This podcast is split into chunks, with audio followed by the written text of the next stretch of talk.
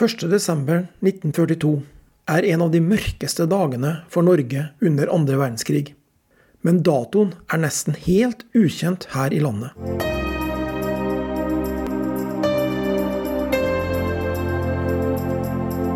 Alle nordmenn vet om, eller i hvert fall bør kjenne til, datoen 9.4.1940. Hitler-Tysklands feige angrep på Norge var starten på fem dystre okkupasjonsår. Men det er faktisk en annen dag i norsk krigshistorie som er like mørk, men som aldri markeres og knapt snakkes om. Det gjelder 1.12.1942. Den enkeltdatoen da flest nordmenn mistet livet under andre verdenskrig. På kvelden denne dagen ruller et tog inn på perrongen i den polske byen Oswetsjim, bedre kjent under det tyske navnet Auschwitz.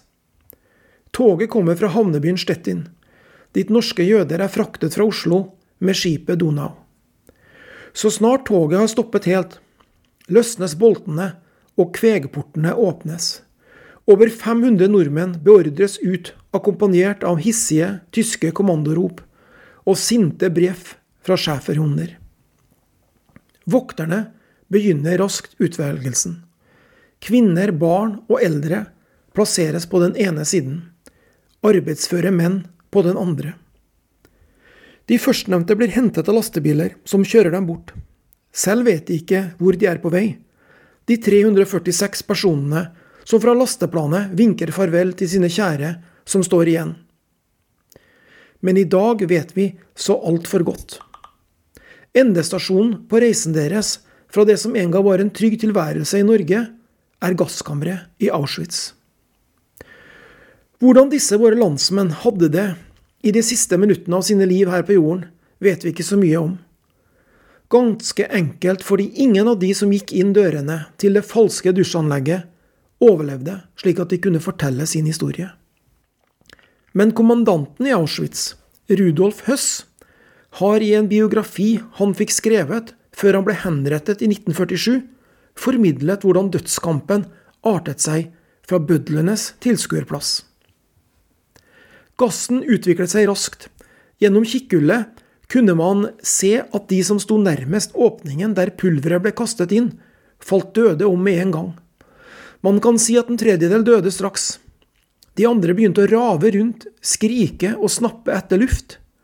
Men skrikene gikk raskt over i en ralling, og etter noen minutter lå alle på gulvet. Etter 20 minutter var det aldri noen som rørte på seg.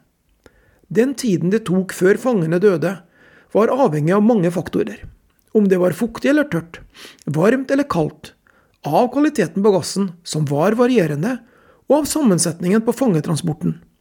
Hvor mange som var unge og friske, og hvor mange gamle, syke, kvinner og barn som var med. Men generelt kan man si at døden inntraff etter fem til ti minutter. En halv time etter at gassen ble kastet inn, ble døren åpnet og utluftingsanlegget startet. Man begynte da straks å trekke ut de døde. Spesialkommandoen startet nå med å trekke ut gulltenner og klippe håret av kvinnene. Etter dette ble kroppene fraktet bort og lagt foran ovnene som i mellomtiden hadde blitt varmet opp.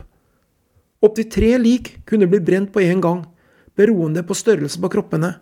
Kremasjonen tok 20 minutter, skriver Rudolf Høss. Siden okkupasjonen har vi nordmenn sagt aldri mer 9. april 1940. Men vi bør også si aldri mer 1. desember 1942.